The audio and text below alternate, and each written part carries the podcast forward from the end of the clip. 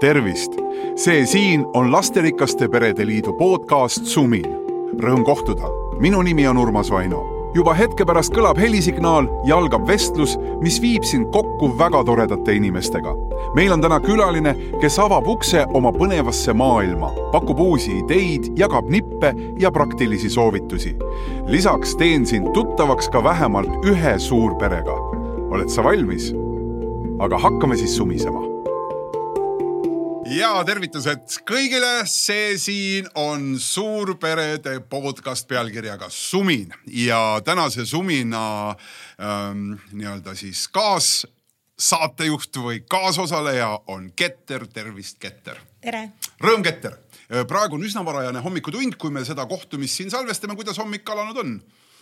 Kiirelt nagu iga suurpere hommik. kas, ma peaaegu kuulsin välja, et nagu iga, iga hommik, sul ei olnud päris tavaline hommik, mis hommikul juhtus? no täna hommik oli selline huvitav, et noh, kõigepealt öösel ei maganud, sest äh, väiksemad kaksikud otsustasid, nad ei taha öösel magada. ja hommikul muidugi ei jõudnud ma süüa ja siis võtsin hommikul oma rohud ära ja siis viisin väikse lapse lasteaeda ja lasteaiaväravast tulid kõik need tabletid ilusti välja. tulid vastu? tulid mulle vastu mm, -hmm. et äh, noh, mis seal ikka, tuleb see ripsmdušš silma alt ära pühkida ja roolistuda ja sõita siia raadiomajja. ja väga hästi õnnestunud ka, kõik on, kõik on, kõik on korras, Keter. välja see, kui sa ei räägiks, ei paista mitte kuidagi. mitu last sul on? kaksikutest sa juba rääkisid. ja neli poissi on. neli poissi on ja nad on vanuses? üheksa, neli ja siis kaksikud saavad kaheseks äh, maikuus milline, äh, kui keegi küsib sinu käest, milline ema sa oled, Keter, mida sa räägid selle peale? Äh, rahulik, selles suhtes nagu mitte üle muretsev, et mul on kõik poisid sellised hästi aktiivsed. Ja kui ma iga nende turnimise peale oleksin paanikas, siis ma arvan, et ma ei istuks siin. sest nad on kõik tohutult turnijad ja ronivad igal pool ja hüppavad igalt poolt üle ja alla ja et siis mul on sihuke laid back, vaatan, et noh, noh, hüppa. lihtsalt ära haiget saa ja kui üks põlv on korraks katki, siis on teine põlv on hetkel terve. jah, ma vot, ma mõtlen ka niimoodi, et äh, midagi hullu ei ole väga tore, Keter, suur heameel on sinuga koos siin olla, seda enam, et meil täna siin sinuga koos ühe laua taga on Merilin Mandel, tervist, Merilin. tere hommikust. Merilin on, ähm, ma usun, et kõik peaaegu kuulajatest teavad sellise raamatu nagu Jess lapsed autor ja see Jess lapsed on alguse saanud äh, pikast Instagrami reast, kus äh, on sul praegusel hetkel. Äh, kakskümmend viis tuhat äkki. kakskümmend viis tuhat jälgijat. kakskümmend viis tuhat jälgijat, kakskümmend viis tuhat inimest, kes igapäevaselt ootab, et mida sa äh, laste teemal kirjutad. no pressure, aga jaa mis need kõige populaarsemad teemad on, mis saavad kõige rohkem likee või, või kõige rohkem jagamisi või kõige rohkem äh, siis edasisaatmisi? sest sa ju pead seda teadma, kui on kakskümmend viis tuhat inimest, toida, toida, toida, anna peale, eks ju, sa pead seda tegema. mis asjad need on, mida aeg-ajalt ikkagi peab mõtlema hm,, mida ma sellest teemast nüüd kirjutan? Nagu Keter ütles, et ta on sihuke late back lapsevanem on ju, ma olen väga late back Instagrami konto vedaja, ehk siis ma ikka teen nädalasi pause. inimesed teevad ära kõik selle töö lihtsalt. oleks siis nii aga ma ütlen sulle ausalt, kuigi see äh, sisu oli algselt väga lastele suunatud, see on kasvanud selliseks äh, üldinimlikuks fooniks ja ma pean tunnistama, et vist kõige rohkem tuugalt täis on mu postkast siis, kui inimesed äh, jagavad läbi minu siis oma igasuguseid piinlikke momente, mis neil argipäevas on. ja ütlen ausalt, et see vist on see kõige suurem kogukonnatunde tekitaja seal, et see, kui me räägime mingite murede lahendamisest ja ma ei tea, igasugused pereteemad ja maailmateemad ja koduteemad ja vanemluse teemad, kõik need asjad on väga toredad, inimesed reageerivad, need jagavad. aga see, kui ma jagan, kui fail on mõne inimese päev ja kui palju piinlikke hetki sinna mahub, see tekitab selle tunde, et ah, nüüd ma olen õiges kohas. okei Keter, ma saan aru, mis järgmine postitus on. oo, ma kohtusin suure pere lapse emaga, tabletid välja, ripsudest minema ja autoga ikkagi kohal ja sealt ta tuleb, kui sa lubad seda jagada. Kokkulepe olemas, saame seda teha me oleme plaaninud täna mitte võib-olla niivõrd rääkida sinu, sinu raamatust, mis on väga tore, jõudsin sirvida, laenasin enda lapselt, enda riiulis ei olnud, laenasin oma lapselt ja ta on siia sisse kirjutanud, nii nagu sa tahad. aga me räägime ja ei räägi niivõrd Insta kontost, vaid räägime ühest äh, hunnikust küsimustest, mille sa oled kokku pannud ja, ja mis võiksid siis äh, aidata nagu aeg-ajalt lapsevanemal üle vaadata seda nagu kõigepealt mulle tundub, mis on sinu puhul tähtis, et, et kes see lapsevanem ise on, kuidas ta ennast ise tajub ja siis mingid reeglid, mingid asjad mida ta võiks või peaks äh, nagu lastega tegema. ma ei tea, kas me jagame ka selle äh, vestluse juures või all kusagil neid küsimusi? on see okei okay?? ja muidugi, muidugi ja. väga tore. ehk inimesed saavad seda ise vaadata, aga anname siia nagu selle, selle tausta juurde. võib-olla kõigepealt ütle, et miks sa need küsimused kokku panid? Mis, mis audit see siis on, mida sa ootad, et inimesed iseendaga teeksid? Te võib-olla lapsevanematena olete märganud ka, et kui keegi räägib kuskil lapsevanemlusest, siis see on väga tihti suunatud lapsele, see lapsevanemlus, et sinu ja lapse suhe, kuidas last toetada, kuidas last arendada, kuidas lapse eest hoolitseda, kõik need teemad.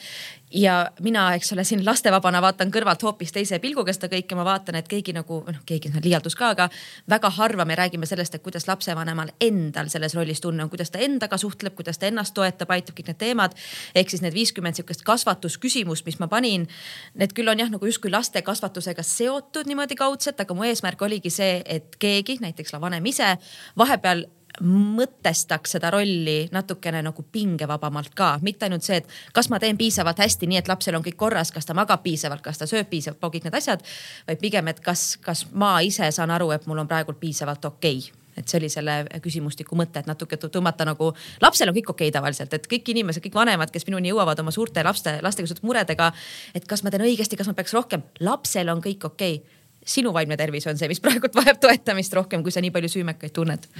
ehk siis teisisõnu, see järgnev jutt rohkem kui praegu kuulab meid lapsevanem, see rohkem puudutab mind lapsevanemana kui konkreetselt seda suhet äh, ja neid võtteid ja neid nippe, mis siis aitavad äh, äh, lapse kasvu ja arengut toetada. täpselt hakkame sellega siis otsast pihta ja, ja, ja võib-olla mingi see selline nagu baasarusaam, kuidas sa üldse ise ähm, nagu sa ütlesid mm, -hmm. lastetuna, eks ju mm, -hmm. või nii-öelda siis. lastevabana on see õige. jah, vabandust, lastevabana, et sa äh, nagu kogu sellele teemale nagu lähened, et mis, ma saan aru, et see nüüd tahaks tegelikult peaaegu kursust, eks, aga kui sa pakid nagu kokku, eks ju, et mis see kontseptsioon, see lähtepunkt vanema ja lapse suhtes, mida me nimetame mm -hmm. siis mhm. kasvatamiseks mm, -hmm. et kus sina hakkad nagu mõtlema, mis see nagu alus lähtepunkt on?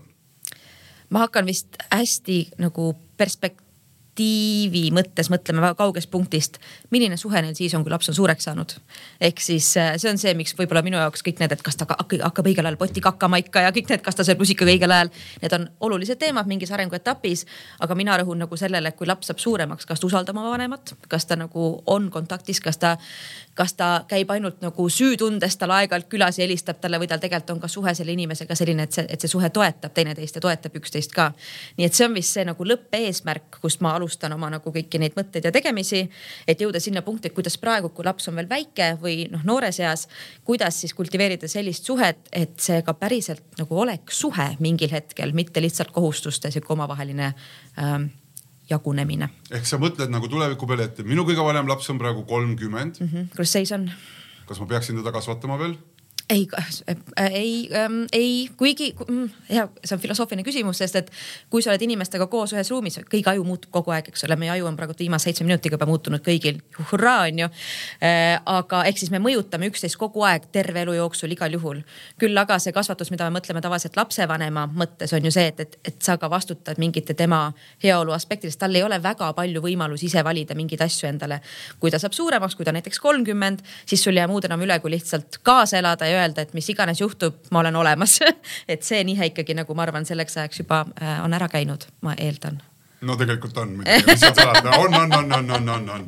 me tegelikult arutasime koos seda, et, et, et ma peaksin seda ikkagi nagu äh,, et me peaksime ise seda mõtlema, et eks ju, et kas äh, sellel hetkel, kui ta elab küll samas linnas, neil on omaette elamine, temaga koos elab seal mingi mees mulle tundub, et ta on aktsepteerinud selle, eks ju, ta on, see on nagu, nagu ühiskokkulepe, et kas sellel hetkel nagu veel saab kasvatada või kas see mõju on, aga tõde on see, et me ju kasvatame teineteist kogu aeg. ja just, et see, et noh, siin ongi eesti keeles see kasvatuse sõna on üldse hästi hägune meil, et mm -hmm. keegi ütleb, et ma kasvatan oma last, paljud mõtlevad sellele, ma distsiplineerin no, oma, just, et kasvatan tomateid, distsiplineerin oma last, et seal last, et seal on hästi palju erinevaid äh, võimalikke definitsioone.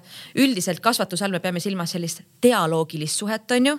mina et annab see, kellel on parasjagu rohkem anda, võtab see, kellel parasjagu on rohkem võtta ja siis see niimoodi pöördub, ma arvan ka lapsevanemana sa ju, me küll räägime küll, et laps kasvatab mind, et õpetab mulle kannatlikkust ja mida kõike veel, aga ka teisalt sa ju sellel hetkel ka õpid nagu lapse pealt, kui sa näiteks teed midagi temaga ja ta üldse ei võta seda vastu ja siis sa pead ruttu ümber mõtlema, et kuidas ma teisiti saaks ka.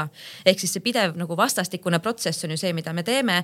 lihtsalt jah, me ei ole harjunud mõtlema kasvatuse mõttes nagu täiskasvanu vahel, kuna see kõlab siis väga patroniseerivalt aga tegelikult ta toimib selle süsteemi alusel ikkagi kogu aeg edasi ju ehk siis kusagil sinna tekib otsa mingi asi, mis on võib-olla nagu selline mentorlus või selline Jah, toetamine, eks, et me nagu peegeldame rohkem. Mhm. kuulame teineteist, saame aru, mis vaevab sind või mis küsimused on sul ja ma ei tea sellele vastuseid, ehk tahaks teada, ehk Jah. tahaks öelda ise no eks seda, ma, eks me, eks me aitame ka siis, kui ma vastuseid ei tea, eks ole, me ja, lahendame ja, ikkagi ja, aga tegelikult tahaks ju lihtsalt võib-olla teine pool kuulda sellel hetkel seda, et kuidas tunnen mina, mis küsimused on minul ja sellest peegeldusest juba aitab.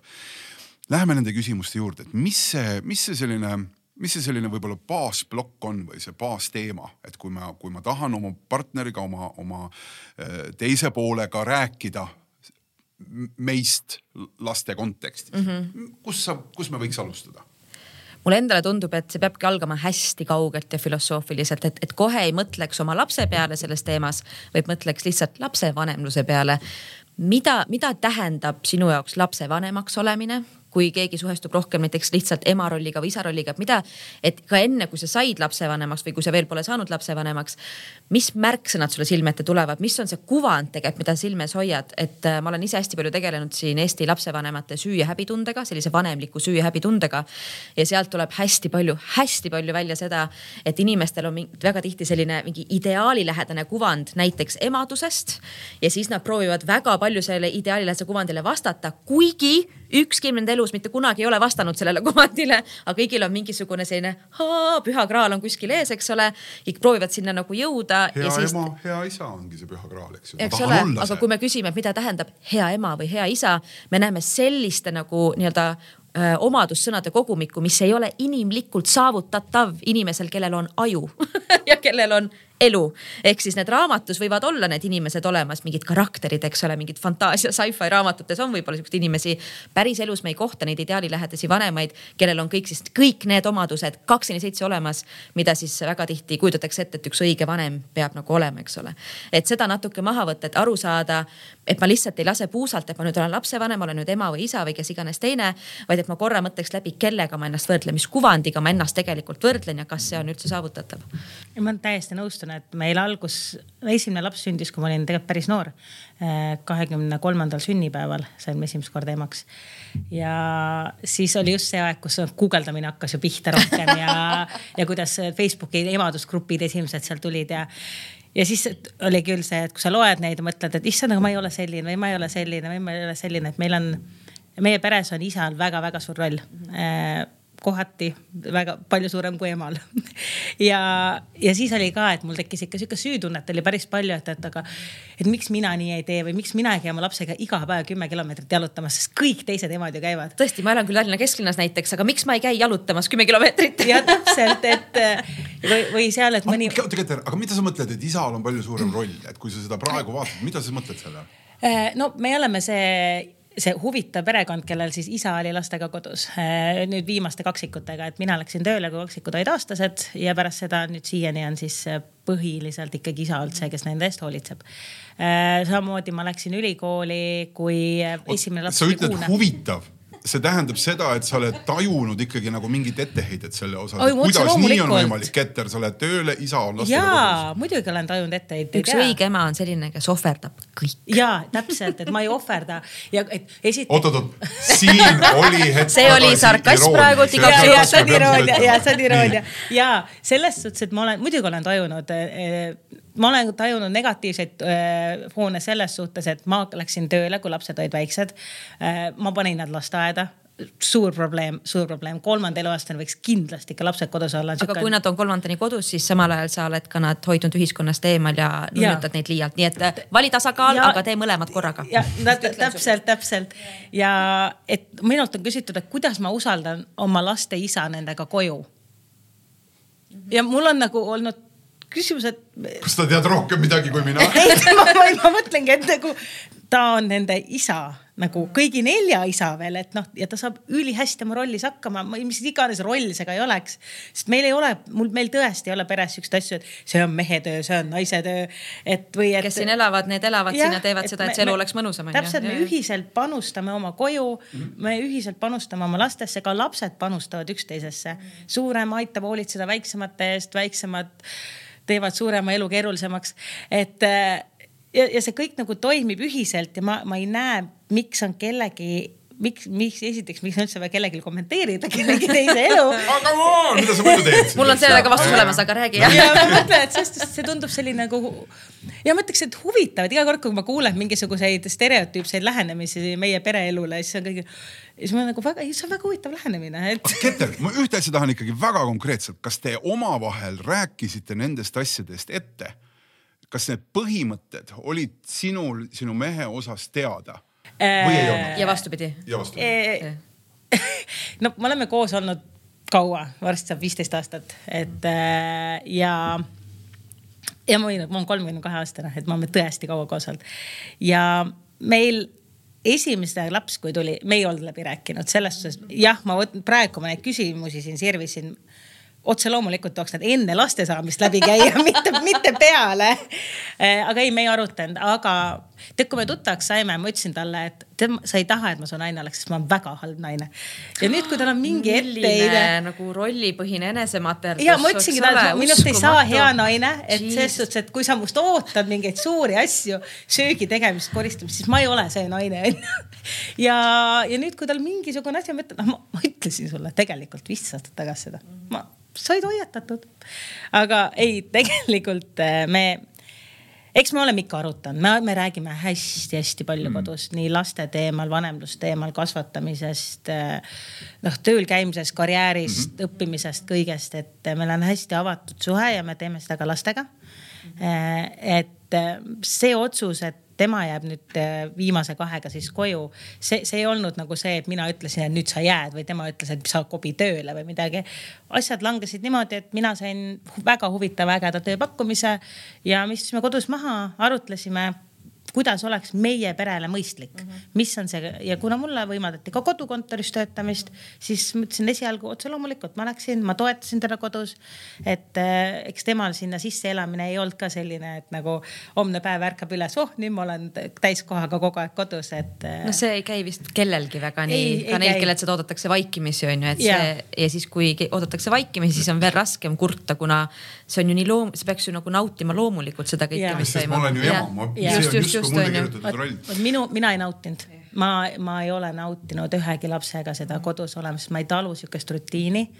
Ja ja selles suhtes minu jaoks on tegelikult see variant palju parem, su mees talub sihukest igapäevarutiini palju paremini kui mina. Ja mina, mulle väga meeldib tööl käia, ma käin seal hullult hea meelega. ja siis ma tulen koju, ma tunnen, ma saan olla tegelikult parem vanem.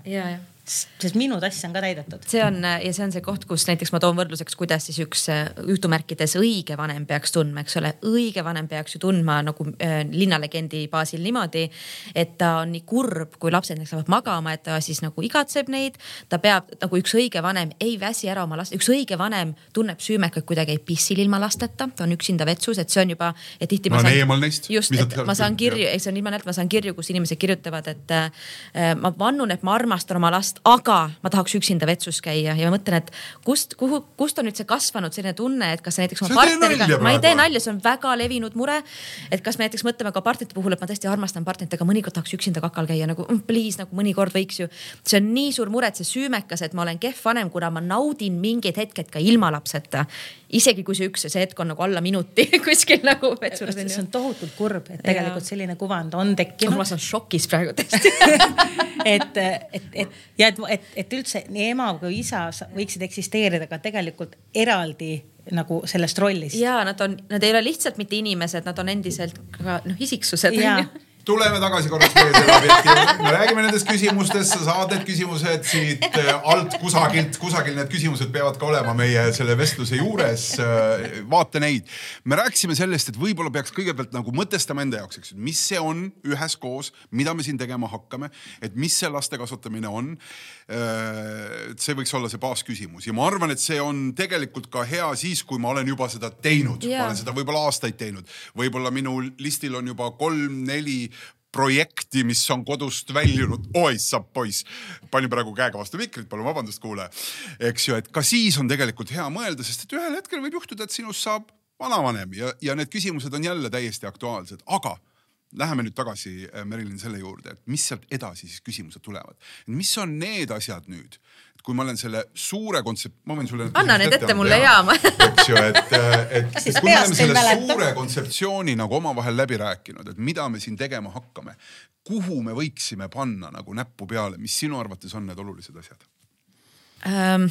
ma arvan, et äh, üks asi on ka see, on ju, et lapsevanemlus ei toimu vaakumis, et igal juhul lapsevanem, lapsevanem olles Äh, kas sa tahad seda või mitte, kas sa otsid seda või mitte, inimesed su ümberringi teevad vahel teisiti, annavad sulle nõu. see infovoog, mida lapsevanemana sa praegult aastal kaks tuhat kakskümmend kolm pead läbima, on meeletu.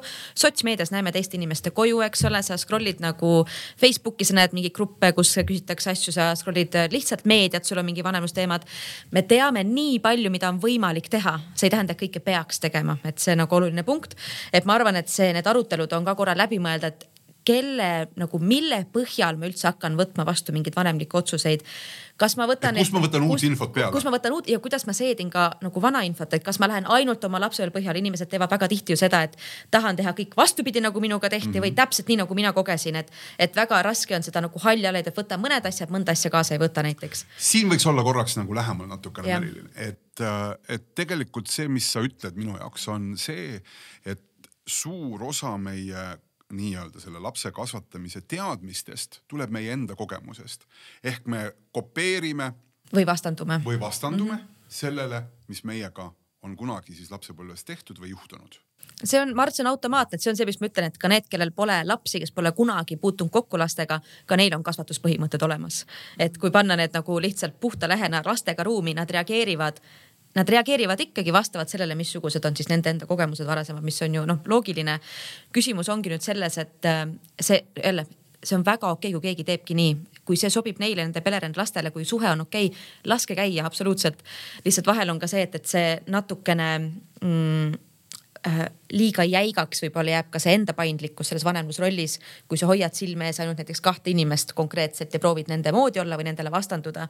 et selles mõttes see nagu enda jaoks läbi mõelda, et mille alusel ma veel otsustan, kas mingi info mulle pädeb näiteks, et keda ma, noh, võtan, et võta oma, ma ei tea, sõbrad, tuttavad, naabrid kelle moodi ma tahaks olla rohkem vanemana, kelle moodi ma ei tahaks, mida ma võtaks neilt, mida ma neilt ei võtaks, kelle nõuandeid ma üldse vastu võtan ja kelle, kellele ma ütlen rahulikult vastuseks, mul on kõik kontrolli all, aitäh, et sa muretsed lähme palun edasi et, et, et nagu see ka läbi mõelda, kuna ei ole olemas praegult lapsevanemat, kes elab kuskil kogukonnas, olgu ta siis tugivõrk, võrgustik, lind, maa, mis iganes.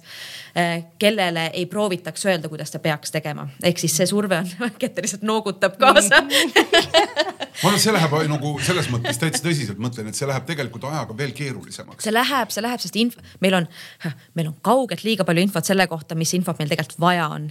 et ma räägin, noh, kui ma õppisin Bristolis kunagi kasvatuspsühholoogiat psühholoogiat, siis mu äh, neuropsühholoogia õppejõud kurtis, et ta peab iga aasta ajuslaide uuendama, kuna info muutub iga aastaga. et iganeb see, mida me teadsime aasta aega tagasi selle kohta, kuidas aju töötab, näiteks kuidas aju areneb, kuidas ta liigub, kuidas kõik, ühesõnaga me liigume nii kiiresti praegult edasi, et kui me prooviks kõigega mm. järge pidada, siis tulevadki need vastandlikud asjad, eks ole, et ma ei tea, stiilis ähm, äh, maga loomulikult lapsega ühes voodis, kuna siis saad sina magada ja laps saab magada, kõik on lähestikku, kõik on nagu kiindumussuhe. aga samal ajal palun laps peab magama ka teises toas, teises voodis, sest et muidu ta lihtsalt, äh, sina ei saa magada ja tema umbes harjub sinuga ära. et need, need asjad, mida nagu öeldakse suure enesekindlusega, tulevad ju tegelikult sellest, et see inimene, kes need ütleb, tema teeks nii. et tihti nagu see ja see siis tekibki see infomüra, et kus on siis tegelikult see, mis on nagu objektiivselt lapsele vajalik ja mis on tegelikult lihtsalt erinevate inimeste erinev kogemus, mida nemad teeksid. jumala eest ära lutti ja pud, lutipudelit kasuta. aga samal ajal kasuta lutipudelit, siis Ja. muidu ta ei saa süüa on ju. Ja, ja täpselt. kõik need asjad on ju jah. ehk siis ja selle juures mulle tundub, et on teine põhjus veel ka see, et kõik need arvajad, noh, kuna meil on endal väga palju nagu võimalusi arvata ja jagada seda arvamust ja saada sealt ka positiivset äh, tagasisidet. Kaks laiki oli mul eelmine kord sellel ar arvamusel, mis ma jagasin, Ah, eks ju, sa järelikult see on õige, järelikult see on õige, nii peabki olema. Ja ma nii-öelda kinnistan ja nii kui ma Ketterit näen, siis ma kohe talle räägin kõik selle ära, mida mina tegelikult sellest tean, see on kõik absoluutselt õige ja nii peabki käima. ja me kõik teeme Ja, seda, see on okei okay, mis ma tahan öelda ka, et, et, et võib-olla ma korra kõlasin nagu, et ei tohi kellelegi nõu anda. see on inimlik, et me läheme, ütleme, et kuule, sa peaksid nii tegema, oled sa proovinud nii teha, sa võiksid nii teha. me lihtsalt peame ka nagu võib-olla rohkem teadvustama seda, et, et see, et mina teeksin tema olukorras niimoodi, arvan, et ma teeksin niimoodi, ei tähenda, et see ka nende eluga sobib, ehk siis ka vastu võtta seda nii-öelda seda aid, mis sealt tuleb nõuannetel ehk siis kuulutame välja nagu hinges praegu siin mingi, kuidas me seda võiksime siis nimetada, et, et kui sul on laste kasvatamine käsil või sa selle peale mõtled, kuuluta enda jaoks välja naabrinaise rahu mm. Mhm. -hmm. et las ta räägib, see on tore ja huvitav, aga ma ei pea võtma seda tegevussuunisena. et sina oled see filter, sina võid seda filtrit vahetada, võid tihkemaks teha, võid hõredamaks teha. see, et keegi teeks teisiti sinu asemel ta teebki, kui sa mõtled korra, mõtle kõigi nende lapsevanemate peale, keda sa tead, kõigi perede peale, keda sa tead. nimeta mulle kaks perekonda, kes teevad asju identselt nagu re, sa ei leia, sa ei leia siukseid perekondasid. isegi kui nad on, on nagu nii-öelda sarnaste väärtustega ja põhimõtetega. Praktikas näeb see ikka väga erinev välja, kuidas, mis on toidulauakombed, mis on õhtused rutiinid, kuidas, kus käiakse lastega, mida tehakse. see on elementaarne, et iga laps kasvab erinevas perekonnas ja kasvabki erinevaks inimeseks võrreldes siis naabrite lastega, eks ole. kui sa vaatame siin laua taga -hmm. ringi, meid on kolm, meil on kindlasti tohutult erinev nagu lapsepõlv, elukogemus. see ei tähenda, et me kuidagi ei klapiks siin laua taga olema, et me ei pea nagu suunduma mingisuguse ühtsuse poole, vaid me ikkagi võiksime nagu alles hoida selle, et kuni lapse heaolu on tagatud, me räägime siin konkreetselt nüüd lastekaitseseadusest ja noh, nagu vaimsest, füüsilisest, emotsionaalsest heaolust on ju. kui see on tagatud, siis see on väga paindlik, kuidas üks inimene kasvab, nii et see võib olla ka korra nagu lasta rahu sisse endale tõesti. no ma üldiselt arvan, et kui arvamust ei küsita, siis ei pea seda ka peale suruma et, et minu poole pöördutakse päris palju, et küsitaksegi, et kuidas ma teeksin asju. noh, aga ma ütlengi, et minul on kogemus oma poistega ja nad on kõik olnud oma voodis maganud, ma ei ole kunagi pidanud last harjutama enda kõrvalt magamast ära, ma ei oska kaasa rääkida sel teemal mm, -hmm. sest minul nad magasidki sünnist saadik oma voodites. Sest mul on lihtsalt megakitsas voodi, meil on vood sada nelikümmend senti lai oh, nagu, no, täpselt nagu meil ei. oot-oot-oot. podcast, uus podcast, voodi laiuse podcast. jaa. kas te olete ühe teki all ka veel appi? Oh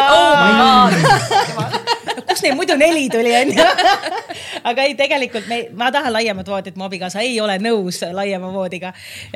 seega meil on kitsas voodi, kuhu lapsed lihtsalt ei mahu ja kui meil aeg-ajalt ikka rändab üks või teine sinna, siis ma, saate aru, meil ei ole ruumi siin.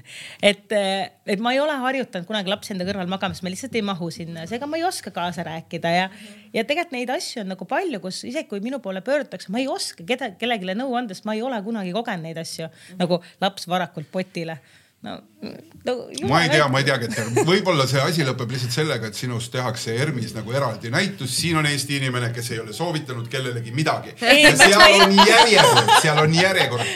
mida, kuidas ta õppis seda, kuidas ta tegi seda? kuidas see võimalik on, nad võtavad su kliinikusse katseteks. eks ma mingeid asju ikkagi sellest, kui küsitakse, aitan ja toetan, aga ma ütlengi, mul ei ole kogemus kõigel alal ja ma ei, ma ei oska nagu soovitada asju, ma ütlengi, mina harjutasin juba sünnist saati neid lahus magama ja mitte sellepärast, et ma nagu meid vähem armastaksin, aga sellepärast, et ma ei saa magada, kui keegi mu külje all magab. ütlesid armastust, nüüd hakkan kahtlema praegu. üle kompenseerid praegu natukene no väga tore, tõmbame sellele teemale ka joone vahele, ma arvan, et selle me rääkisime päris kenasti risseliti läbi, mis puudutab siis arvamist ja mittearvamist ja selle kuidagi sissevõtmist. ja olen nõus, kas liigume edasi siis küsimuste mm, -hmm. ma nagu ja. ilmselgelt kõiki läbi ei võta, neid on viiskümmend, aga ma arvan, et see järgmine mõte, mida korra läbi mõelda, kui sa oled mõtestanud enda vanemlusrolli, et kes ma üldse olen vanemana, mida, mis on ootused, mida ma kardan, mida ma pelgan. kui ma olen mõelnud läbi, kuidas ma teistega suhestun, eks ole, et kuidas võtan nõuandeid vastu, kelle najalt ma nagu ennast peegeldan ja nii edasi, mis on need infoallikad nagu laiemad, noh, yes-lapsed ja noh, mõned teised võib-olla ka. et siis on kolmas plokk võib-olla mõttes ongi see, et, et kui see lapsega suhestumine nüüd korra nagu teemaks võtta et no ilmselgelt eriti kui sul veel nagu ei ole lapsi või kui sul on nagu vähe kogemusi või on ka erinevad kogemused, sa ei pea teadma, kuidas iga lapsega reageeriksid mingitele asjadele. aga mõelda läbi näiteks mingid baasmõtted näiteks selle koha pealt, et mida tähendab minu jaoks lapse ära hellitamine üldse, et see on see lause, lause, lause, mida kuuldakse palju, eks ole. mille kaudu ära. me mõtestame ja, lapse kasvatamist. ja teine asi on mm -hmm. see, et mida tähendab näiteks lapse, ma ei tea, distsiplineerimine või karistamine, sellised suured sõnad, mida tihti kasvatuses kasutatakse ka endiselt ja mis tuleb välja, tähendavad väga erinevaid asju inimeste jaoks väga erinevaid asju. ehk siis, äh, ehk siis kuidagi mõelda, et kuidas ma lapsega suhestun, et, et nagu mitte igas olukorras loomulikult see ei tähenda seda, kui sul, ma ei tea, laps nagu nutab, kuna sa andsid talle punase klaasi asemel nagu sinise on ju. siis sa pead samal ajal mõtlema, et aga milline vanem ma nüüd ikkagi tegelikult olen. kuidas ma tahaks, et laps tunneks ennast, sa ei pea neid mõtteid mõtlema selles olukorras sees, aga see üldine nagu foon, et kui sa need kasvatuspõhimõtted endale saad nagu kuidagi kasvõi uduselt nagu silme ette nagu aeg-ajalt tuletada meelde, äh, siis on mul tunne ka lihtsam reageerida igas olukorras ootuspärasemalt ka lapse jaoks, eks ole, et kui ma näiteks otsustan, et äh, kui laps tahab sinisest klaasist vett siis ta näiteks minu üks põhimõte on see, et kui laps tahab juua või süüa, ta ei pea mulle ütlema palun. et ma ei oota, et laps nagu palub mult asju, mis on tema eluks vajalikud selles mõttes. ma küll annan talle selle vee, võib-olla veeklaasi on ju, ütlen, et noh, ise täiendan kõrvale, et palun anna vett, mitte tahan juua või mis iganes, ma võin täiendada, aga ma kuidagi ei hoia last eemal enne asjadest, mis see on. võlusõna oli. just, et, et, et ma nagu minule näiteks, minul isi-, see on okei okay,, kuigi teeb seda, ma ei saa nagu ei lähe inimesi mm -hmm. kuidagi nagu noh piirama. minul isiklikult on ebamugav teha seda, kuna ma ei tahaks, et mulle niimoodi teeks. okei okay,, aga, aga mõtleme, mis need kategooriad veel ikkagi on, mis meil ette mm -hmm. tulevad siis, eks ju, et sa juba paari mm -hmm. asja ju nimetasid, eks ju, et, et kuidas ma äh, mis need veel võiksid olla, et mis need klassikalised asjad on? sa mõtled need hellitamine, karistamine? hellitamine, karistamine, mis veel?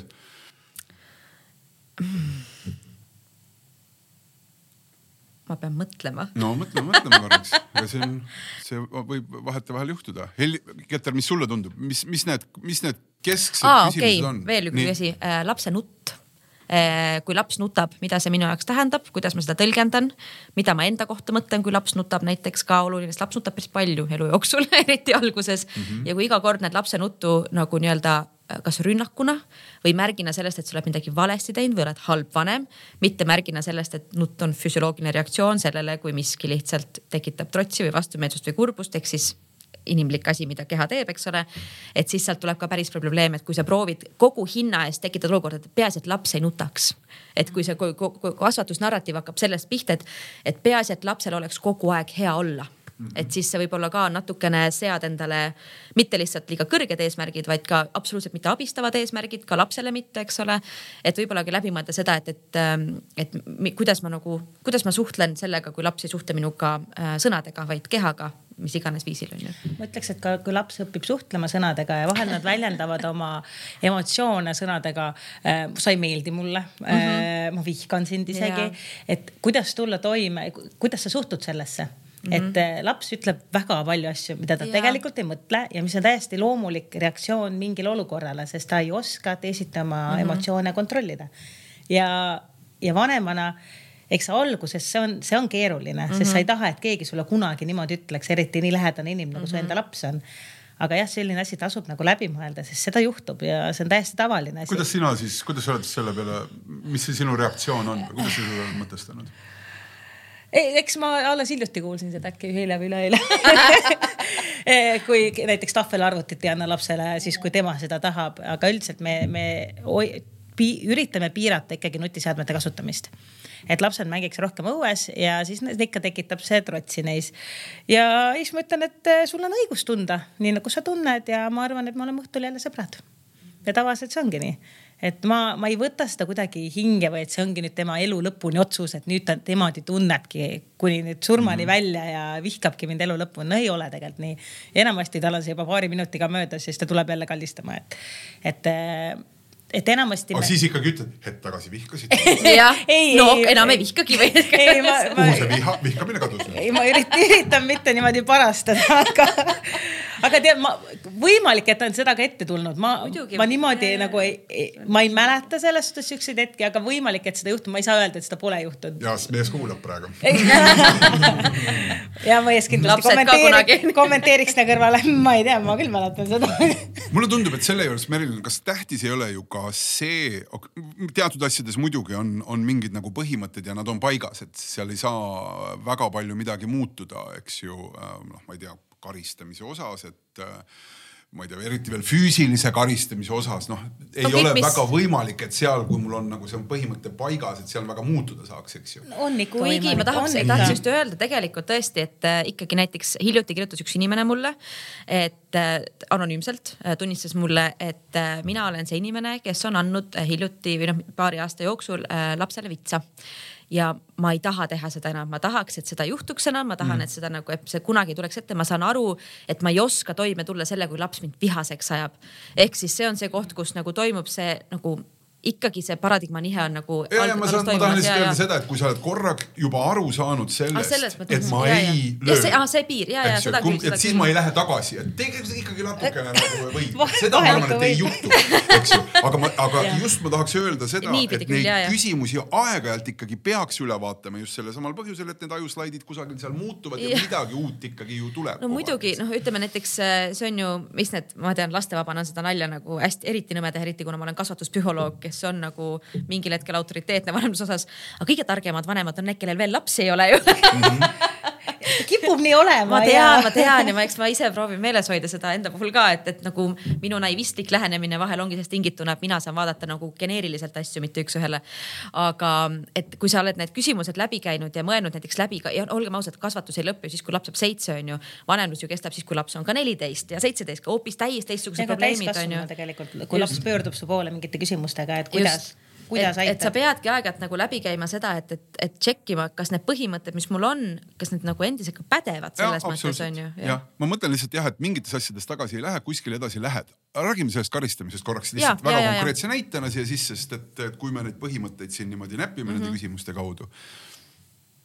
mis Mid- siis? mida ma vastan sellele mida sa inimesele, vastad jah? sellele jah, kuidas me, kuidas me nagu nojah, et kuidas üldse nagu olgu, et see karistamise, mis täna on siis juba karistamine, võib-olla hakkame sealt pihta, et mida me nagu lapsele eh, tehes, mida me saame tegelikult öelda, et see on karistamine see on, tead see on ka, see on nii head vastused, see on definitsiooni küsimus. aga see on samas küsimus äh, küll definitsioonis, et minu jaoks näiteks karistus on see, mis juhtub asjaloomuliku tagajärjena. ma ei tea, kui laps äh, viskab mingi asja maha, see läheb katki, siis see ongi juba karistus, kuna see. asja katki minemine on et karistus. see asja loomulik tagajärg ongi juba selle asja, noh, et ma ei pea nagu last noh, mina jälle näen seda, kui ma näiteks tegelen lastega, hoian lapsi, ma olin lasteaiaõpetaja mitu aastat. ma ei pea last nagu ekstra veel karistama sellest, et tal juhtus midagi et ta tegi midagi, kuna ta otsmikusagar veel lihtsalt ei ole veel nagu pardal, eks ole, et. et impulsikontroll on veel null väikelapsel nagu põhjus-tagajärg seos null, ühesõnaga, et mul ei ole mõtet näidata, et sa pead mind ka veel kartma et sa pead kartma minu reaktsiooni ka veel lisaks sellele, mis tegelikult juhtus. kas sa siis ütled, et oi, vot nüüd räägid sellest katki läinud kausist? no me räägime, et hakkame nüüd, peame nüüd korda tegema selle, et sa mine võta kühvel labidas, ma aitan sind, mis see, miks, miks juhtus see, räägime läbi, et seda rohkem ei juhtuks. et mul on tunne, et ka siukse nagu kas hea karistuse mõte on see, et ta oskaks järgmine kord ennetada seda ka siis, kui mind ruumis ei ole ehk siis nagu. ja kui, kui te, midagi juhtub, ta julgeb pöörduda su poole. et kui ongi, et näiteks teises toas juhtub ja laps tuleb ja ütleb sulle, ta, siis ta teab, et sinna ei järgne mingit karistust veel otsa. no sest, et noh, ongi see, et, et, et äh, muidu juhtubki see olukord on ju, et kui mina seon selle asja enda reaktsiooniga, mõni päev ma reageerin rohkem, mõnikord vähem, eks ole. ja siis on see küsimus, et kui mind siis toas ei ole kas ma siis saan ka kindel olla, et ta teab, mida võiks ja mida ei peaks võib-olla tegema. et selles mõttes, aga selle, see on see. ta ei tee seda sinu pärast, vaid selle nii-öelda. et ta saab ise aru, et ei ole mõistlik teha, on ju, just, et ma annan nagu ikkagi, mis on vanemluse eesmärk, võtame korra nagu läheme korra sammu tagasi. kasvatada laps võimalikult iseseisvaks, et ta saaks võimalikult hästi ilma minuta hakkama, nagu ükstapuha, mida tähendab. et ma ideaalis, noh, räägime hästi nagu neurotüüpilistest ja nagu hästi klassi, noh keskmisest lapsest selles mõttes ka on ju. et ideaalis on see, et, et vanemat läheb aina vähem lapsel vaja, see on nagu selle asja nagu mõte, eks ole. ja kui ma pidevalt seon lapse toimetulekut ja tema enda nagu mingit peegeldust sellega, et mina pean talle kogu aeg tagasisidet andma, siis ma lihtsalt nagu käin enda peas vähemalt enda kasvatuspõhimõtetele vastu, ükstapuha, kas ma olen siis vanem või lapsehoidja või lihtsalt sõber on ju. et selles mõttes jah, see karistuse küsimus minu jaoks on, on pigem see, et karistuse eesmärk jutumärkides on siis see et järgmine kord oleks väiksem tõenäosus, et see asi juhtuks, ehk siis me räägime tõesti mm., ma olen muidugi, mul ei ole rääkimisega probleemi ka, aga. kui see ikkagi juhtub uuesti ja see tuleb. siis nagu... me räägime uuesti, kui palju sa näiteks, ma ei tea, võta korra iseennast täiskasvanuna, kui palju sul juhtub seda, et sa kogemata pillad midagi maha, kui palju see juhtub, see, see ei ole mõnikord otsuse küsimus, et asjad juht-, kui palju juhtub seda, et sa oled küll mõistlik täiskasvanud inimene aga mingi asi jääb sind nii närvi, et sa lihtsalt tahad nagu panna padjaga vastu diivanit nagu, et sa, meil kõigil on aju ka siis, kui me suureks saame, et oodata lapselt mingit nagu vankumatut, laitmatut, ideaalilähedast nagu rollikuvandit. Mul ei ole, ma saan aru, miks seda on lihtne oodata ja kui ma olen stressis ja väsinud, ma ootan seda ka. aga kui mul on nagu väga hea periood, ma olen nagu väga avatud kõigile, siis ma tegelikult saan aru, et ka tal on õigus olla täpselt sama kompleksne ja mitmekülgne nagu mina olen. ehk siis ka tal on õigus aeg-ajalt otsustada, et täna minge kõik pekki ma ei taha, ma ei viitsi, kõik läheb närvi, ma teen meelega, ma tahan mingit reaktsiooni saada. sest ma ei tea täiskasvanud, kes seda aeg-ajalt ei teeks, sest me kõik õpime seda terve elu jooksul, kuidas toime tulla. eks meil on kodus olnud ka neid olukordi, kus üks vanem reageerib, reageerib üle tegelikult -hmm. olukordades ja ja siis, miks sa nii käitud, ta käitub nii, sest ta on nelja-aastane nii ta peakski käituma, sest ta ei oska teisiti veel käituda, et näe, vaata üheksa aastane juba ei käitu nii. et noh, näiteks noh, aastased lapsed loobivad toitu maha, see on, see on täiesti tavaline asi ja.... arengule ülioluline ja, faas no,, mida läbi teha, eks ole. maha lendav toit on tähtis. eriti see, kui no. keegi selle üles korjab ja see muster hakkab tekkima, et kui mina nii teen, siis see korjatakse ja. üles ja teise käega, kui teen, korjatakse ka üles. ja, ja asi kukub, kui sa lased lahti, asi kukub maha gravitatsioon. Juba äh, õpivad. ta mõtleb muidugi. ta mõtleb. kas keegi on märganud seda, paneme kirja ruttu, ruttu, ruttu. kui ta oskaks seda sõna, ta ütleks seda ka. ma mõtlen täpselt. gravitatsioon, see on tore, õpetage seda. et ma tean, et noh, kuna meil on ka insta, perel Instagrami konto, siis kus me jagame oma argipäeva rõõme vahel ka muresid.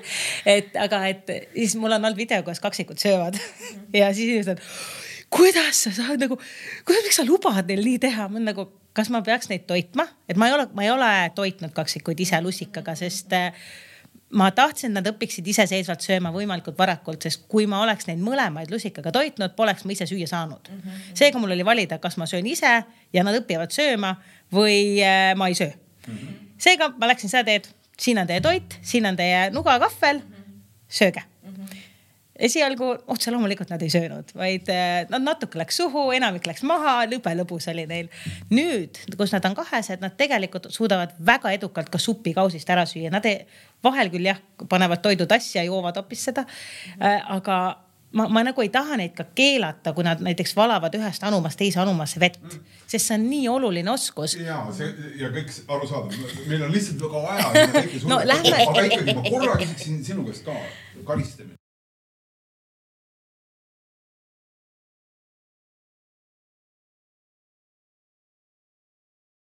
Iseendal on raske siis, kui ma ei ole vaimselt heas kohas, kui mu enda tass on tühi, ma ei ole saanud lühike. ja kui ma ei ole saanud puhata, kui, kui me ei ole saanud näiteks mehega kahekesi olemise aega piisavalt palju, siis me mõlemad oleme rohkem siuksel tärevil mm. -hmm. aga üldiselt ma olen seda meelt, et tegu, teo tagajärg on ise karistus, näiteks kui laps kaotab ära telefoni ta on väga kurb, ma ei pea teda karistama veel lisaks selle eest, sest ta on väga-väga kurb. tema jäi millegist ilma.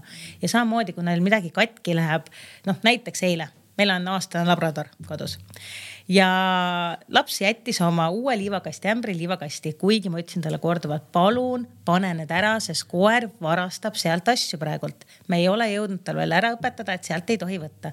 otse loomulikult ta ei pannud seda ära ja see ämber läks koerale ja see ämber on täiesti puruks. ja siis ma näitasin talle ka, et näed, see, ma ütlesin, palun pane see ära, sa ei pannud seda ära ja nüüd koer sai selle kätte, et palun pane oma mänguasjad ära.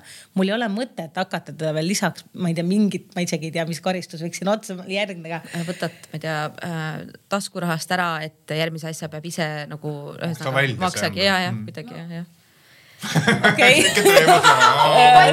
teoreetiliselt on see võimalus olemas, aga see, mõtlengi, see tundub nagu nii jabur, sest, sest see oli tema uus ämber ja ta ütleski, et siis me peame uue no, ostma. Need on väiksemad no. lapsed, aga see vanempoolne ots ei no mis ma, noh ma ei, ma ei oska. palju sa ikka kontrollid neid lõpuks, on need üheksa või kolmteist või? ei no näiteks, nagu, tegelikult eks ta, eks ta on saanud äh, karistada küll, näiteks valet, valetamine on üks asi, mida me kodus ei tolereeri äh,. tule räägi ja kui enamasti, kui ta tuleb, räägib mingi asja ise ära, siis sellele ei järgne mitte mingit karistust, mingi lisakaristust. kui seal on ikkagi selline keskmisest natuke paksem udu sees ja hiljem tuleb välja provotseerib täiega onju. ma arvan, et see, see ole, oleneb olukorrast, no füüsilist karistust meil kodus ei ole, mitte ühe, ükski laps ei ole saanud füüsiliselt karistada. aga, aga noh, on olnud olukordi, kus on nii-öelda see time out, et mm -hmm. aga me ei ütle seda, et, et nii-öelda, et mine istu nurgas ja midagi, et lähme rahuneme ja, ja et mine, mine istu, mõtle, puhkame natukene ja siis me tavaliselt küsime, et noh, et mi, miks see olukord juhtus, mis toimus seal mm, -hmm. et enamasti on see sihuke kahe lapse vaheline konflikt olnud. Äh, suurema poisiga, mis puutub valetamisesse, siis on olnud olukordi, kus me küsime, kas sul on kõik õpitud ja on küll, ta tuleb koju kahega. klassik ah,. see on see äh, ja siis, et see oli see olukord. kas see mitte ei ole nagu arenguetapp, millele räägime? see ei ole nagu valetamine, see on nagu olukorra valesti hindamine. see ei ole nagu vale. nõus. mina tean, ma tean kõike, mis ma tean, eks ju, et äh, jaa okay.. aga see on olnud siis olukord, kus me ütlesime, et okei okay,, et, äh, et kuna tal oli tema toas arvuti ja mida me nägime, et miks tal jäid õppimata, oli see, et ta läks arvutisse. Mm.. ja siis nüüd on see arvuti meil teises toas. seega, kui ta tahab seda kasutada, küsi. Ja me, me võimaldame lapsel kasutada arvuteid ja kõike, aga lihtsalt, et tal ei ole seda oma toas nii kättesaadavalt, et ta ujub sinna sujuvalt ära ja siis kaob talgi kogu maailm ümbert ära. mul oleks vaja, et keegi võtaks ka arvuti ära, et ma saaks teha tööd vahepeal, sest et ma jään ka nii, no ühesõnaga vahel mõtled küll, vaata, kuuled neid, kuidas me nagu toetame mm -hmm. lapsi nende arengus ja iseseisvumise teel onju. ja siis vaatad enda ümber täiskasvanud, kes on ikkagi ja, mm -hmm. nagu veel voodis vaata sekku, mina ise teen seda, sellepärast ma saan rääkida, ma teistest ei tea. sekundile magama, siis scroll'id veel nagu telefon nina otsas ja siis ja. mõtled, miks nagu uni ei tule. selle põhjendus on see, et sa valgustad nägu veel enne magamist. ja, ja just, just, just see on see. ja eks ole täpselt, et see lihtsalt, et näha tõesti et me, me nagu tahame neile parimat, me tahame nii palju head neile, et me vahel unustame ära, et see ei tähenda, et nendest ei kasva nagu mm, ke, ke, nagu selles mõttes keerulised inim kogumid, eks ole mm. -hmm. aga Merilin ikkagi nüüd see ja. tuli huvitav asi siia juurde ja me räägime ju praegu nendest äh, põhimõtetest, mille, mille osas võiks enda jaoks need asjad läbi mõelda, mis on sõnakõlksud mõnikord, aga iga kord ka mitte, et need mm -hmm. on mhm. küsimused, mida me lapse kasvamise juures näeme ja see on mm -hmm. üks küsimus, mille juures me oleme, valetamine mm. -hmm. kuidas, kuidas siis seda nagu mõjutada, et, et kui see ja see mulle tundub mingis vanuses kipub nagu tulema no, loomulikuna, sest et kuidagi nagu see reaalsus, milles ma elan, kus on siin see füüsiline tüüp ja, ja minu see ruum ümberringi on ju segatud äh, seal, ma ei tea, aiside ja auludega, keda pole olemas, keda ja, näen ja, ainult ja. mina. ja, ja kusagil on see nagu see loominguline udu nagu õudselt tore ja see vanematele meeldib ja nad on selles mängus kaasas aga siis tuleb kusagilt mingi asi järsku, kus nad ütlevad, et nüüd sa valetad mm, -hmm. eks ju. kuidas no,, kuidas nagu, kuidas see? kui me korra mõtleme, ma tean, et ma vaatan ka kella, ma tean, ma tean, ma tean, aga mõtleme korra, et mida valetamine nõuab. hea valetamine nõuab seda, et sa tegelikult, et sul on väga hea empaatiavõime, et sa saad aru, mis teisele inimesele mõjuks nagu usutavalt.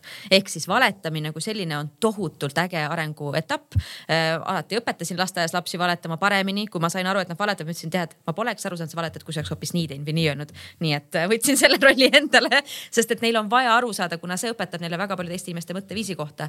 kui on tegu sellise väikelapsega, kes tõesti see fantaasia versus vale maailm noh, nagu käibki nagu nii-öelda paralleelselt ja nagu seguneb nagu päris maailmaga, siis ma vist isegi kasutaksin seal erinevaid sõnu selle kirjeldamiseks, et ma valetamist selgitaksin lapsele sellega, et sa meelega varjad midagi, sest muidu sa kardad, et juhtub midagi mm. -hmm. või et sa meelega ütled midagi, kuna sa kardad, mis muidu juhtuks, et seal on see, kus sa nagu valetad.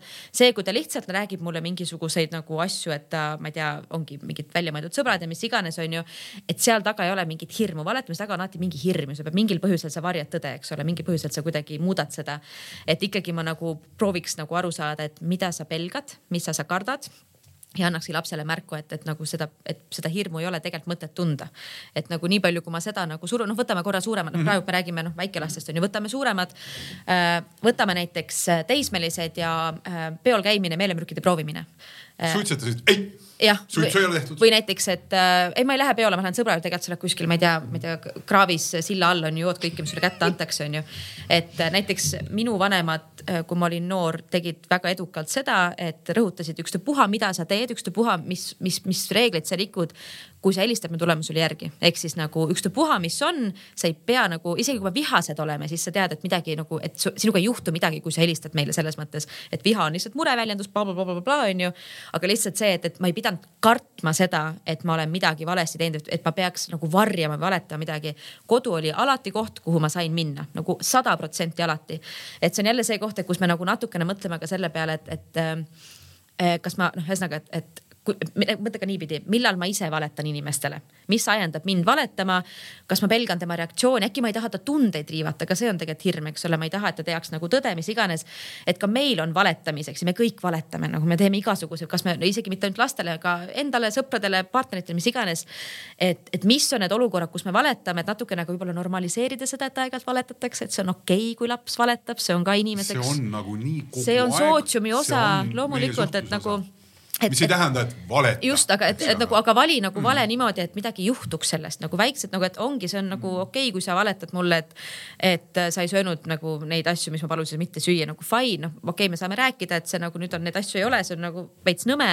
aga sa ei pea kartma seda, kui see tegelikult välja tuleb ja samal ajal öelda, et ongi mingid väiksed valed, mis sa nagu. oota, aga veel väga hästi konkreetselt, et kui on emal ja siin on meil hommikune kokkulepe, et me sööme selle muna ära, aga ma annan selle laboratorile ja ütlesin, et, et sõin ise ma ei, mind näeb naerma sihuke asi ma ei tea, mis lapsevanem oleks ausalt ka, ma oleks nagu hea kiil. ütleme, meil juhtub seda päris tihti ja, ja issand, sellest ma ütlen ära, et lihtsalt, et me peame, kuna koer peab sööma koeratoitu, siis me nagu üritame seda poolt võtta, et tal läheb koer, kõht koer lahti. võib, koer võib tunda ja, ennast halvasti, kui sa talle toidad igasugu Just, asju. et nagu niipidi on ju, et, et, et ma nagu, ma ei tea, mis praegult juhtus, seda ma võib-olla kunagi ei saa teada, aga edaspidi mm, -hmm. kui on sihuke olukord on ühesõnaga, et jälle, et, et kui, et seal on võib-olla küsimus ka, miks me mõnikord inimesed mõnikord reageerivad valetamisele väga jõuliselt, on see, et see kuidagi, see õõnestab autoriteeti, et, et nagu see võimusuhe läheb paigast ära, kui, kui keegi, kes on laps valetab sulle või kuidagi võtab olukorra enda kontrolli alla selles mõttes. ja mõnikord on väga raske inimestel seda nagu tunnistada endale, et see haavab nagu tegelikult ego või haavab seda tunnet, et autoriteeti, et mina olen ju see, kes otsustab ja mina teen.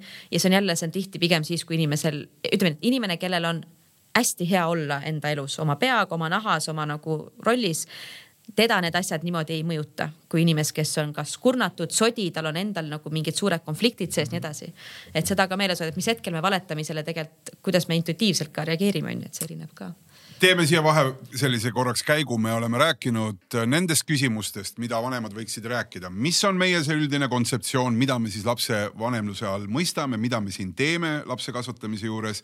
me oleme soovitanud ja mõelnud läbi siin üheskoos selle, millist informatsiooni me sisse võtame ja vastu võtame, mis on see, mis meile läheb korda, keda me kuulame, mida me kuulame, mida me usume, keda me usume ja nii edasi. nüüd rääkisime mõnedest sellistest väikestest sõnakõlksudest, mis meie ümber pilvena tiirlevad tiirlevad ja millele peaks andma ise mingi sisu väga konkreetsetena kuni siis valetamiseni ja kõige selleni välja, aga ka, mis on hellitamine ja nii edasi. mis veel, mis võiks olla veel see küsimuste pakett, millega lapsevanem võiks tegeleda vahepeal auditit tehes või siis uusi lapsi planeerides? argiolme ehk siis äh, alates se nagu sellest välja, et kuidas valime lapsele ees ja perekonnanime, eks ole. Ähm, kes on kodus lapsega, kes hakkab olema lapsega kodus siis, kui laps on haige, ehk siis kui mõlemad juba käivad tööl, kuidas me selle jagame, kas me leiame seal mingi tasakaalu või on meil kuidagi vaikimisi eeldused, et üks vanem annab hästi palju oma karjäärist ära, näiteks kui ta on lapsega kodus. eks seda küsimust siis, kui meil juba need lapsed on, me ei ole seda kokku leppinud, saab vaadata sellena, et kuidas me oleme teinud ja kas see on mõlemale poolele okei okay,. just, et kas, kas midagi saaks praegult on... muuta, et, et korra, ühesõnaga mulle tundub, et mida vähem on sihukest vaikimisi eelduseid, seda lihtsam tegelikult on see kasvatuse protsess ka kahekesi koos, eks ole, et. et see on ka oluline kasvatusküsimus, et neid on ka üksinda hea läbi mõelda. aga üksinda sa ei pea kompromisse leidma, kahekesi on see, kus tekivad need konfliktid, kuna mõlemal on, meil on, meil kõigil on meeletult palju vaikimisi eelduseid selle kohta, mida arvame, et juhtuma saab, kasvõi lapse perekonnanime, eks ole, nagu mõeldes, eriti kui vanemad näiteks, kui neil ei ole ühine perekonnanimi, et keegi alati eeldab, et see on tema nimi just.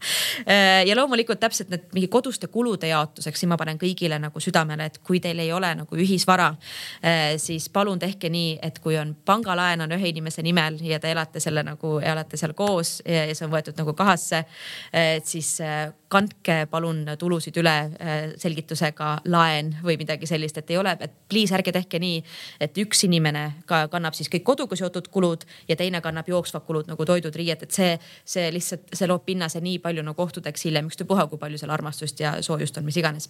lihtsalt sihuke väike meeldetuletus. üldiselt ühisvara kaitseb nõrgemat poolt nii et just. Äh, kõik nõrgemad pooled siis, et ühisvara. finantsiliselt nõrgemad ja, siis. mina kosisin oma meest ise ikka mulle tundub, see ERMi näitus tuleb, väga hea. Millist teemat? Äh, siis on veel sellised näiteks, äh, kuidas jälle, missugune, nagu ma tegin ühe uuringu siin mm. Eesti just heteropaaride seas, mis on oluline, eks ole, heteropaaride seas, kus on tihti need rolli ootused on nagu natuke jäigemad, vaikimisi nagu sisse kujunenud.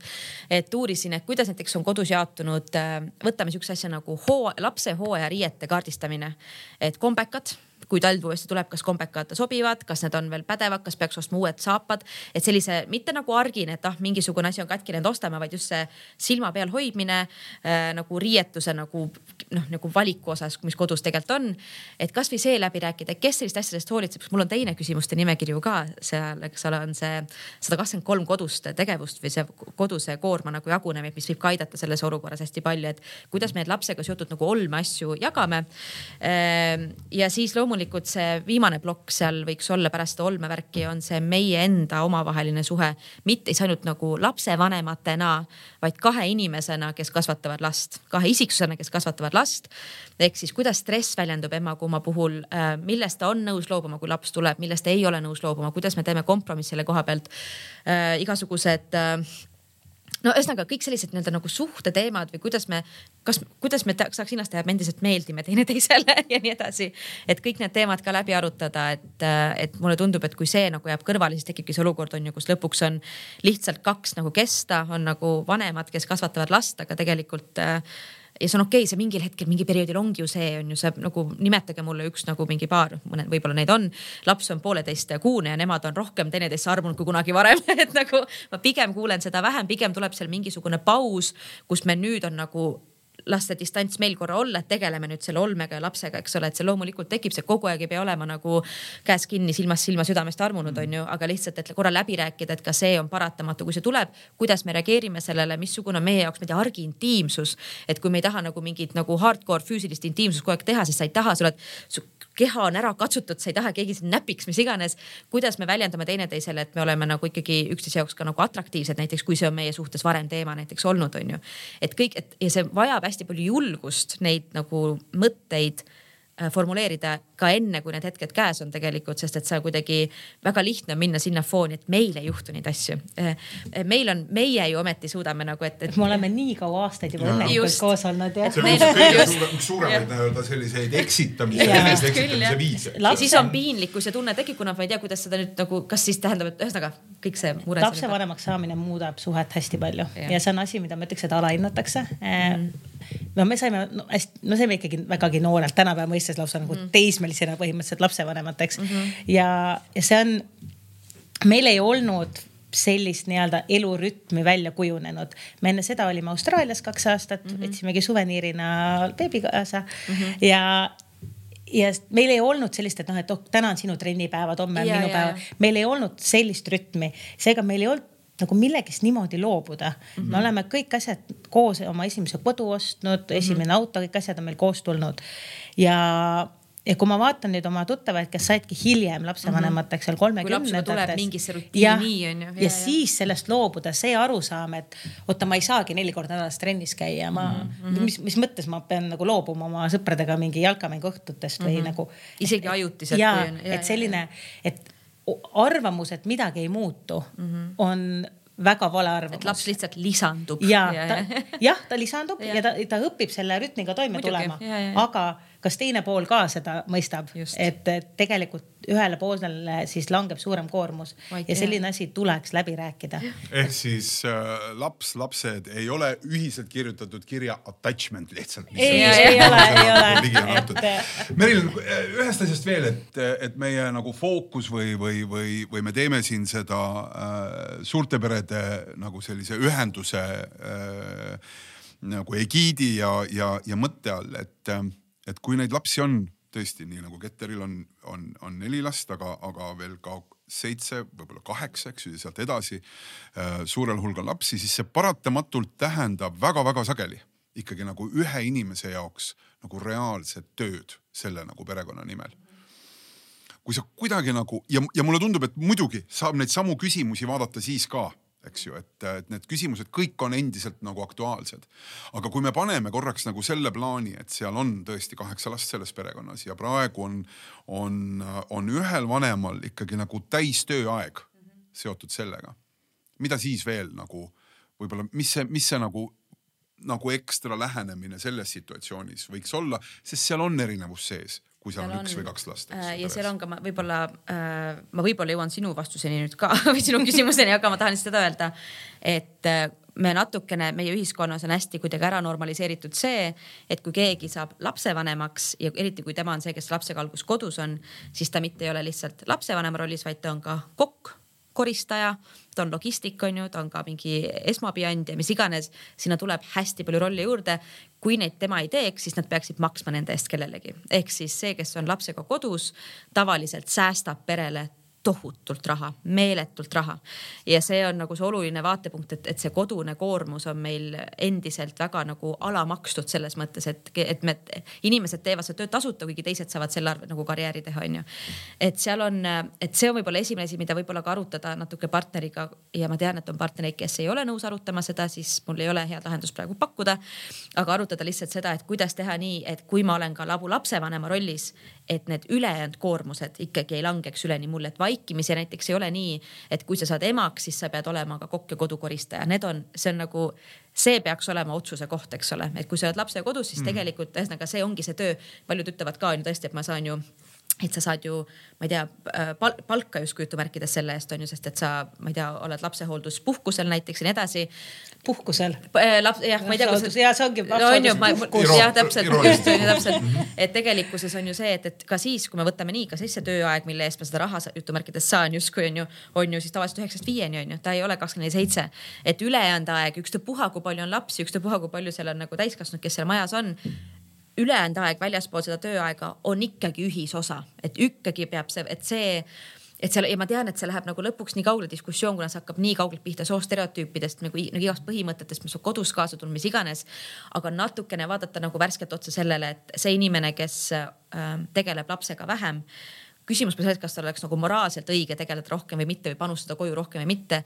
ta kaotab suhtes ta kaotab suhtes lapsega, kui ta ei tekita lapsega suhet ja see on nagu see, kui me räägime karistamisest on ju, et see on karistus omaette, et kui sa oled, kui laps on täiskasvanu ja teil ei ole suhet, kuna sinu jaoks on laste kasvatamine olnud selle teise inimese töö, siis noh siis sina oled ilma jäänud sellest suhtest on ju, et seda on väga raske nagu hiljem hakata nagu toetada. ja seda on suht raske ikkagi väga keeruline taastada. noh täiskasvanuna seda suhet luua, mis oleks pidanud lapsena olema loodud. sa loodki hoopis teistsuguse mm., lood nagu sõbrasuhte on ju, see on teine asi on ju. sul ei ole sellist usaldusväärset lapse ja vanema. et seal ongi, ma mõtlen, kui on nagu tõesti hästi palju lapsi ja loomulikult see kõik, mis ma räägin, ma vabandan ette ja taha äh,, ei pruugi inimestele, kellel on palju lapsi, absoluutselt nagu päde, pädeda ka, et ma räägin siin, istun siin lastevabana reipad laua taga, räägin, kuidas nagu mina arvan, et võiks olla. et ühesõnaga võta see, mis kõnetab, jäta see, mis ei kõneta, loomulikult on ju see A ja O minu juttude juures alati. aga lihtsalt, et, et korra nagu läbi mõelda, et kui palju sellest on töö, mis on nagu päriselt töö ja kui palju sellest, mida sa teed, on nagu vaikimisi jäänud sinu õlgadele ja see on nagu see erisus seal natukene teha, mis on lapse kasvatamiseks hädavajalik ja mis on näiteks kodu eest hoolitsemiseks vajalik, mis on see asi, mis tegelikult tegelikult ei ole seotud absoluutselt vanemlusega, onju. et me oleme nagu ühte patta nad pannud väga tihti onju, et see kuidagi on nagu sama, et, et ma ei tea, võtame jälle korra selle õige ema kuvandi jutumärkides. üks õige ema teeb lapsele kolm korda päevas süüa, koristab ta järelt, käib temaga õues, orgunnib ta nagu mängutubadesse. see ei ole vanemlusega seotud, see on, need on hoopis need teised rollid, need on need logistikud ja adminid ja kokad ja kodukoristajad onju, see on hoopis teised nagu asjad, mis me paneme. vanemlus on see, milline suhe sul oma lapsega on konkreetselt üks-ühele ehk siis võib-olla see, see mõte on see, et et ka siin, ka selles olukorras, kus, kus me nagu tunneme seda tunnet, et, et palju lapsi on meie jaoks õige. Yeah.. ta ei anna meile häid vastuseid nende vaikimisi kokkulepete osas, et, et see tunne on ka seal kusagil kohal aga väga tõenäoliselt on seal all kusagil veel mingid. seal tunded. on need hoovusid ja isegi ma ütlen just. ka mul, mina noh, ma tegelen teemadega igapäevaselt. ka minu aju toodab ju stereotüüpe mulle, sest et see on aju ülesanne on sekundiga kategoriseerida mingeid asju, see on inimlik, sa ei ole. ta teeb sellepärast, et hoida kokku energiat. täpselt mm. ja saad aru, mis on ohtlik, mis on ohutu, sa ei ole halb inimene kuidagi või ma ei tea, valesti elanud inimene kui sul on mingid vaikimiseeldused, see on, see on see, tänu millele sa üldse veel elus oled ja nagu ühiskonnas eksisteerib, meil peavadki olema vaikimiseeldused. küsimus on selles, et kui palju meil tegelikult on nagu uudishimu äh, seda koormat natukene rohkem tasakaalu viia mm. -hmm. et see on nagu, kui on uudishimu olemas ja on julgus olemas seda teha ja saada ka aru, et see võib-olla tuleb minu mugavuse arvelt, see tasakaalu viimine, siis tegelikult on ju kõik noh, siis, siis need eeldused, neil pole enam jõudu väga on ju, et hakkab see suhtlemine pihta. just oli ühes vanemlusgrupis oli, tõstatati mure, et millal ma teen siis perele kolm korda päevas süüa, lapsega väljas käin, et kui ma olen lapsega õues, ma ei saa ju süüa teha, kas siis pole perel sooja toitu. Ja mu mees tuleb koju ja, ja ta ei ole alati nii rõõmus, sest toit pole valmis. ja siis mõtlen, mõtlesin just selle peale, et issand, mul on nii kahju sellest emast, kes niimoodi tunneb, sest ta tunneb süümepiinu, kui ta ei ole lapsega õues, sest laps ei saa piisavalt värsket õhku ja nüüd ta tunneb süümepiinu sest toit ei ole valmis, et ta pere ei ole täisväärtuslikku toitu söönud. et ma tahaks vanematele öelda, et jumala okei okay on Selverist võtta see ühe paja toit ja, või nagu makaronid teha või kalapulgad nagu. toit on toit, et, et nagu jah, et iga päev tõesti kiirtoitu ei pea sööma, aga täiesti okei okay on aeg-ajalt seda süüa. ja, ja see eeldus on ju, kust see tuleb meil, et see inimene, kes lapse kodus teeb seda, see on tegelikult ju nagu ikkagi, see tuleb sellest ajast, kui see, kes sünnitas, tema elu jäigi sinna punkti, et ta on nüüd kodune, see oli tema mm -hmm. nagu, ühesõnaga me ei saa nagu nagu eeldada, et see on sellepärast nii olnud, et see on kuidagi bioloogiline, see oli väga ühiskondlik, sotsiaalne paratamatus ja nii edasi. väga tore, tõmbame siia nüüd äh, joont alla, mulle tundub, et, äh, et me võiksime teha siin teise, kolmanda, kahekümne kolmanda, neljanda ja viienda tunni. Äh, aga Keter, mingi kaks mõtet mis sa siit meie sellest tunnisest vestlusest äh, enda külge said, sa väga aktiivselt mõtlesid kaasa, väga tähelepanelikult kuulasid, andsid endapoolset äh, tunnetust ka äh. juurde, aga, aga kaks asja, mis sa kaasa võtad? üks asi on rääkimine, omavahel tuleb rääkida, et mõelda üksinda nende küsimuste peale ja mõelda kahekesi mm. ja et ja on okei okay,, kui need, kui su vastused muutuvad Mm -hmm. et kui sa üks päev tunnedki, et näiteks mingi kasvatussuund on nagu minu jaoks sobiv, siis järgmine kord nagu see on nagu too much nagu. et ja, ja, ja sul võibki olla kombineeritud asi, mis on ka täiesti no, fine nagu. ja, ja ma ütleks, teine pool on need rollid, et äh, ei ole ühtset vanemlikku rolli, ei ole, et selline on üks ema, selline on üks isa. Need, sul võivadki olla üks päev, sa teed rohkem mingeid toimetusi, teine päev teed teine pool.